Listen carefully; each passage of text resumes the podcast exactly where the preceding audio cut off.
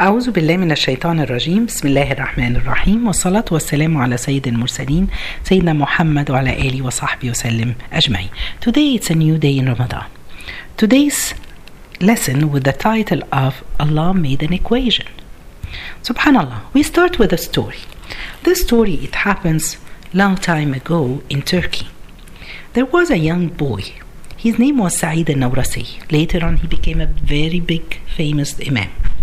When he was young, he was so smart. He used to go to school, but all his colleagues and classmates, they were jealous from him. He had the ability to memorize anything so quickly and so fast. One day, his classmates, they decided in the break to come and have a fight with him. And they started to fight with him. At this time, time, the teachers they came and they approached to try to solve the problem to see what's going on. When they came, Said just told them, "No, it's okay. We can deal together. I can deal with them. We have no problem." One of the so the teacher left. One of the teacher he realized what's special about this boy. MashaAllah, he's so smart. He has the ability to memorize. He's a wise child. What's special? So he decided to go and ask. So he found the address, he got the address of this child, and he used to live in a village away from school. So one day that this teacher decided to go and visit. When he went there, he went to the address and he knocked the door. The mother opened the door. So he told her that he's a teacher at your son's school. Uh, she welcomed him and she asked him, Why is he coming? He asked her, Can you tell me what's special? How do you raise your child? She told him nothing. I just, since I was pregnant in him, I was always making sure that I have, I am always on wudu. I have wudu on. Then the teacher realized that she's a, a, a righteous mother that worship Allah all the time. And she always wanted and wished that her son be a good worshipper too. Then, after a while, the father came. On his way coming, teacher saw that he was coming with some of the cows. But he realized that he had masks around, or he had something, a piece of cloth around their mouths. When they came, when they, he arrived, the father, so the teacher started to talk to him, and he asked him, "Why are you putting those cloths over the mouths of the sheep, the, of the sorry cows?" He said, "You know, because on our way, we pass through some fields of our neighbors, and sometimes the cow, if I leave them, they eat from our neighbors' vegetables or fruit or whatever. Subhanallah.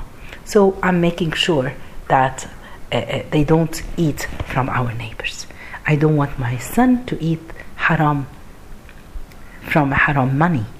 I want him to grow up with making sure that he eats just halal. At this moment, the teacher realized how this wise, good boy is coming from because his parents were great. And he realized, subhanAllah, and Remember, Allah subhanahu wa ta'ala made an equation which is Allah subhanahu wa ta'ala mentioned in Surah Al-Kahf, وَكَانَ أَبُوهُمَا صَالِحًا And their father had been righteous. Subhanallah, this is the equation that Allah. If you are a good person, if you are a righteous person, Allah will protect your kids. Allah will make your kids good ones. Allah will raise them to be kids, especially when you are keen about feeding them the halal. Subhanallah, Imam al Ghazali, he said that when uh, Imam al Shafi'i was sick and he was dying, so he asked his children, go and ask, and he mentioned the name, person, this one he can come and make my ghusl for me. After he passed away, they called this guy and he came to them. So the first, and they knew that he is not a person who make ghusl for people, but they that's the will of the father. So when they brought, he asked them, where is the will uh, of your father? So he opened it and he saw that Shafi'i had a debt of 70,000 dirham. So he paid it back for the person he owed it.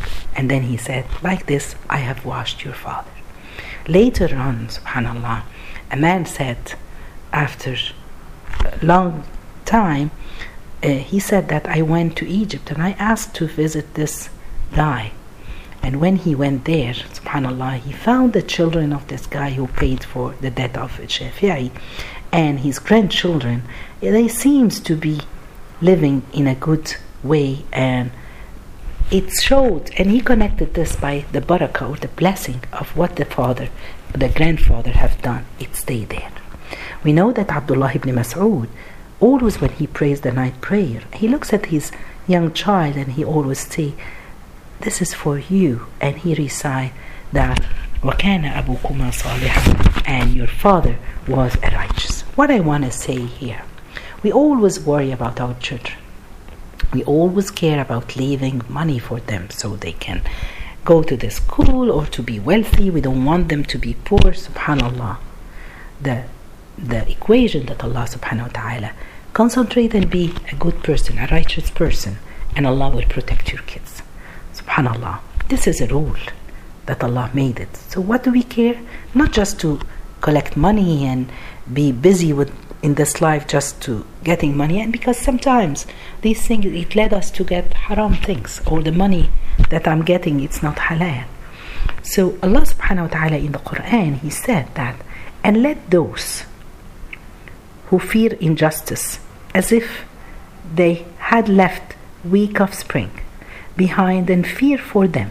So let them fear Allah and speak words of appropriate justice you want to protect your kids, say, speak words of appropriate justice. And this is something that nowadays, especially with the social media, I see people writing uh, uh, um, comments and sharing things that uh, they, they, they, talk bad about other people.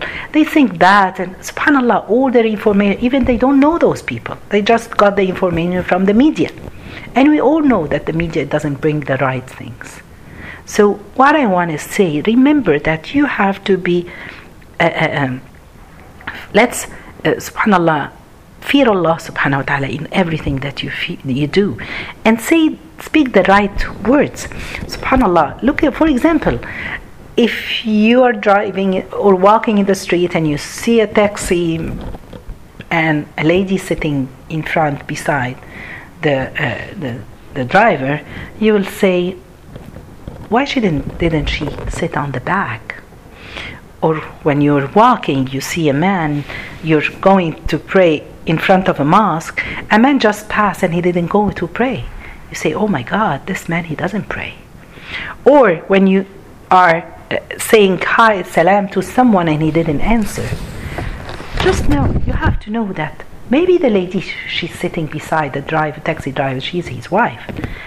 And the man who passed in front of the mosque and he didn't go to pray, he prayed in another play, play masjid before that. Or the person you greet, he didn't hear you. Let's find excuses for people. Some of the uh, uh, righteous people, they used to say, Wallahi, when I see alcohol is dripping from the beer of my friend, I will say that somebody poured it over his beard. I'm not going to have doubts that he was drinking. Or if uh, uh, I see a man standing over a mountain and saying, I am your great God, I would say he is reciting the verse in the Quran that the Pharaoh said it. This is how we have to think positive about other people. This is how we have to say the right thing or stop saying anything. If we want to protect our children, be righteous. Look for the halal, and then Allah will bless you. Remember the dua that Prophet Ibrahim say, said it. رَبِّ جَعَلْنِي مُقِيمِ الصَّلَاةِ May Allah make me from the poor people that pray and from my generations and then accept my dua. May Allah accept our dua. May Allah protect all our children. جزاكم الله خير سبحانك اللهم وبحمدك أشهد أن لا إله إلا أنت استغفرك وأتوب إليك